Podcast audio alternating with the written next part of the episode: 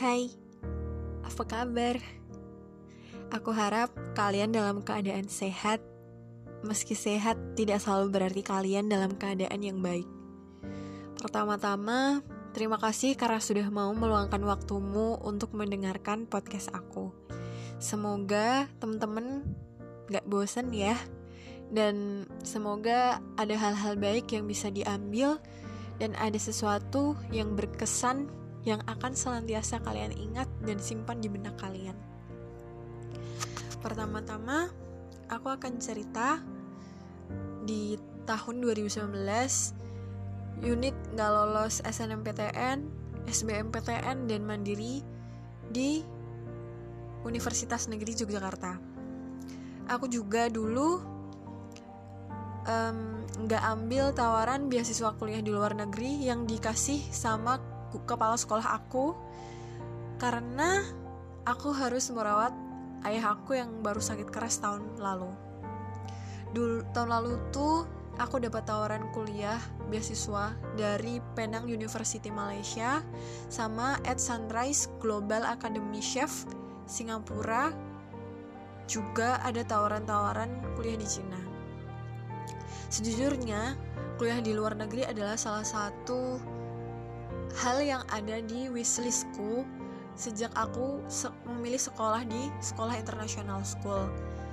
Nah, aku kan sekolah di SMK Negeri 6 Jogja ya, yang mana sekolahku tuh emang basically udah kerja sama sama berbagai sekolah dan instansi luar negeri. Sekolahku itu memfasilitasi program student exchange yang mana kita sebagai siswanya bisa ke luar negeri dan orang di luar negeri bisa sekolah di tempat kita.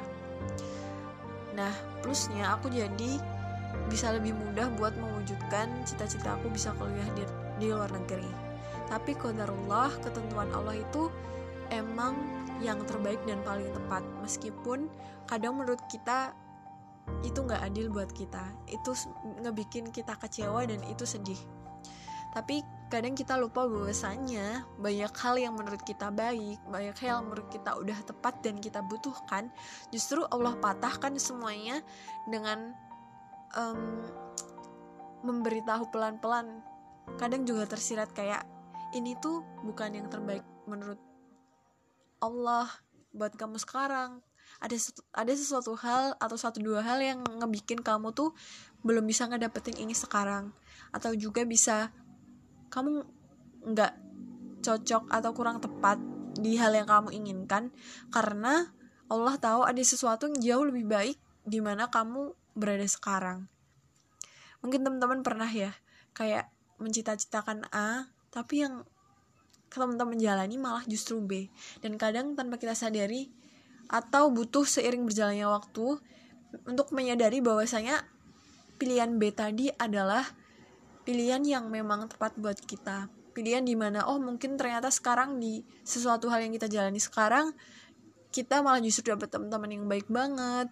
Kita justru punya circle yang bisa membawa kita ke hal-hal yang lebih positif dan lain-lain. Nah aku lanjut cerita ya. Selain nggak lolos SNM, SBM, mandiri, terus nggak ambil tawaran beasiswa kalau kuliah di luar negeri aku juga nggak lolos seleksi beasiswa PTS mungkin teman-teman banyak yang nggak paham kenapa bisa gitu nggak lolos beasiswa PTS kan PTS teman-teman selalu nganggep PTS itu remeh padahal menurut aku PTS dan PTN itu sama aja. Yang yang bikin beda cuman bagian administratifnya aja. Menurut aku akreditasi suatu tempat belajar itu dinilai bukan berdasarkan dia itu swasta atau negeri. Menurutku itu cuman kayak um, apa ya ibaratnya? Kayak kita beli sepatu yang branding branded sama nggak branded. Sebenarnya menurut aku sama aja.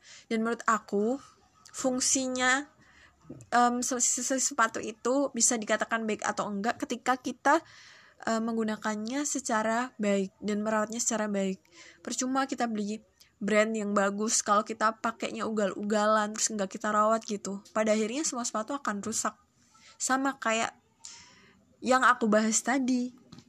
Mau PTS atau PTN sama aja. Kalau kita nggak belajar sungguh-sungguh, ya kita nggak bisa dapet sesuatu yang bisa kita pengenin gitu loh dan bah bahwasanya nggak bisa dipungkiri bahwasanya kalau kita pun kuliah di PTS atau PTN kalau kita emang niatnya udah berprestasi bakalan berprestasi bakalan ada jalan aja gitu.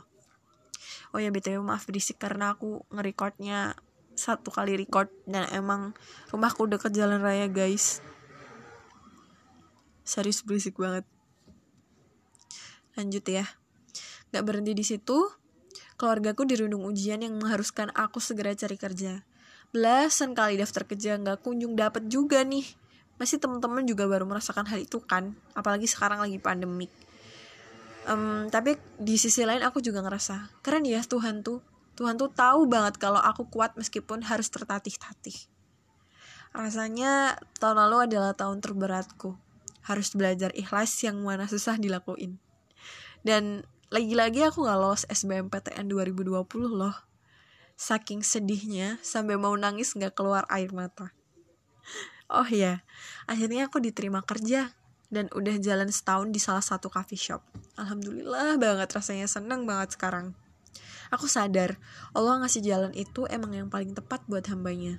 Pandemi datang, keluarga aku dirumahkan, dan aku satu-satunya tuang punggung keluarga waktu awal-awal pandemik dan aku sadar setelah satu tahun kemudian oh ternyata aku nggak keterima kuliah itu ada hikmahnya loh selain aku bisa dapat pengalaman aku bisa dapat keluarga baru di tempat kerja aku yang sekarang. Aku bisa dapat kesempatan yang mungkin nggak bisa aku dapetin kalau aku kuliah tahun lalu. Dan yang paling ngefeel adalah ternyata Allah tuh mau ngasih pandemi. Dan kalau misalnya aku kuliah mungkin aku cuman nambah-nambahin beban orang tua. Tapi Allah menak mentakdirkan aku buat kerja dan ternyata justru meringankan orang tua aku di tahun ini. Masya Allah banget kan? Ya kayak gitu loh guys. Kadang tuh kita tuh nggak sadar kalau segala hal yang sudah dikodarkan Allah itu memang yang terbaik dan tepat buat kita. Lanjut. Nah aku sadar ya di setiap cobaan tuh Allah tuh nggak pernah ngasih ujian di luar kemampuan kita. Terus tanggal 23 Agustus tahun 2020 aku dapat notifikasi diterima lewat jalur prestasi unggul UNY. Asli seneng banget. Akhirnya usahaku nggak sia-sia. Di situ aku bener-bener teriak, nangis. Dan itu aku baru kerja guys. Aku pertama aku tuh buka pengumumannya tuh telat tahu kalau udah pengumuman tuh dari temen. Juga aku tuh kayak udah feelingnya tuh enak nggak enak gitu loh. Jadi waktu mau buka juga deg-degan banget karena udah ngerasa capek juga. Udah berkali-kali usaha ditolak ditolak belum lolos gitu loh. Belum rezekinya. Jadi kadang ngerasa kayak capek banget. Tapi aku ada satu keyakinan di dalam hatiku bahwasanya apa pun hasilnya itu yang udah Allah takdirkan. Dan kalaupun aku dikasih kesempatan kuliah berarti emang Allah udah yakin ini waktu yang tepat dan aku mampu untuk menjalani hal ini. Nah selanjutnya yang lebih bikin aku bangga adalah ayahku dan ibuku orang tuaku lah. Itu bukan dari orang yang mampu atau menengah ke atas tapi keluargaku itu menengah ke bawah. Di mana orang tuaku 0% ngeluarin uang buat aku kuliah di situ rasanya bangga banget. Dan aku menyadari oh iya ya meskipun orang tua nggak ada biaya meskipun orang tua nggak ada biaya spesial pun buat bisa mengkuliahkan aku Allah tuh udah ngasih Allah udah mengirimkan aku raga yang kuat buat kerja dan nabung sehingga bisa bayar UKT semester 1 sekarang aku sedang berjuang buat belajar lebih giat dan mau mengajukan beasiswa. Semoga bisa dapat asisten dari Pak Rektor hmm, mungkin segitu dulu deh ceritanya. Maaf banget ceritanya sebenarnya panjang dan aku nggak bisa ceritain detail. Banyak banget hal yang nggak bisa aku ceritain. Yang pasti aku bersyukur banget dikasih kesempatan sama Allah buat akhirnya bisa kuliah. Dan sejujurnya aku tuh udah bikin plan banyak guys. Kayak bikin plan A sampai D A sampai E. Kayak daftar di sini jalur ini. Aku juga bikin plan daftar di swasta tapi jalur beasiswa dan lain-lain. Yang penting menurut aku ya seseorang tuh nggak boleh nggak punya mimpi. Karena aku ngelihat sama ini aku hidup bangun pagi dan aku bisa terus ngelanjutin hidup karena aku punya mimpi. Aku punya wishlist yang mana harus segera aku perjuangkan dan aku pertanggungjawabkan. Ketika aku menuliskan itu maka aku sudah berkomitmen untuk akan berjuang meraihnya.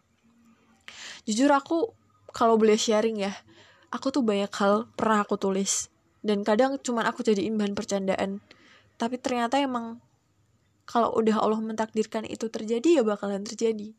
Contoh dulu aku pernah bilang bisa nggak ya aku ketemu Mas Fatur anak BEM UGM itu? Dan ternyata dengan mudahnya Allah mempertemukan aku sama Mas di tempat kerja aku dan ngobrol. Bayangin coba.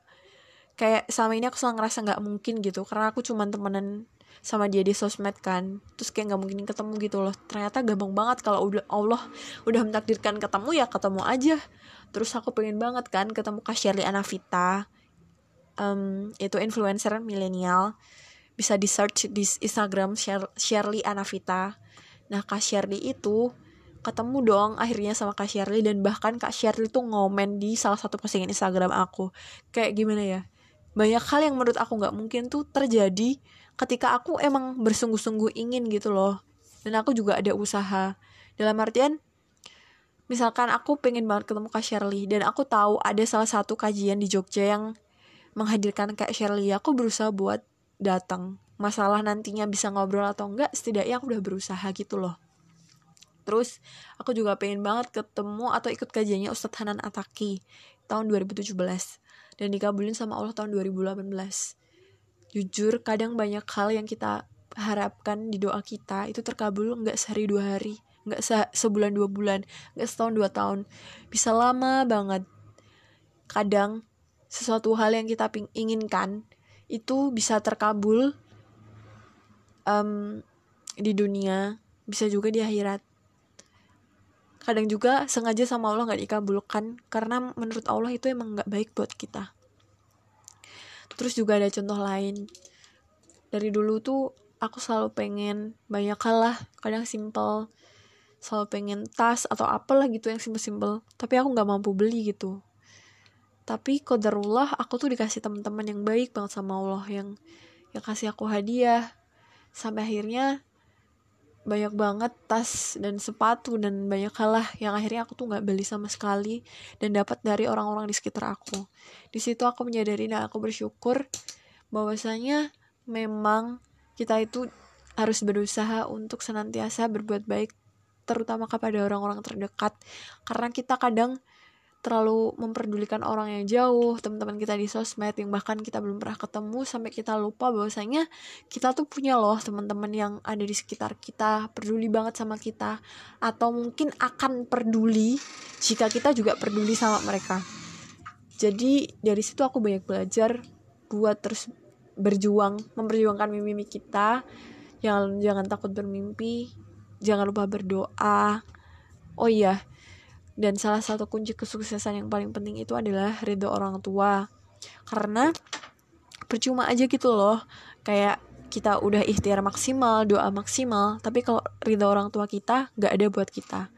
Mau orang tua kita masih ada ataupun udah meninggal percayalah bahwasanya doa orang tua itu adalah key of life. Key of life. Aku salah ngomong aku selalu punya prinsip bahwasanya ridha orang tua adalah key of life. Jadi buat temen-temen perbaiki hubungan sama orang tua. Kalau orang tuanya udah nggak ada mari kita doain. Percayalah bahwa orang tua kita itu bakalan bahagia juga kalau kita bisa jadi orang yang berguna jadi orang yang lebih baik jadi orang yang taat agama.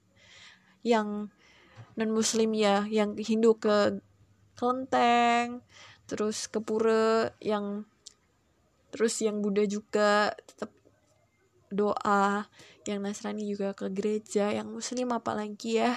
Jangan sampai kita meninggalkan Allah jangan sampai kita meninggalkan sholat sebagai tiang agama kita sebagai pondasi kita dalam menjalani hidup. Mungkin segitu aja yang bisa aku ceritain hari ini. Senang bisa berbagi sama teman-teman. Semoga bermanfaat. Dadah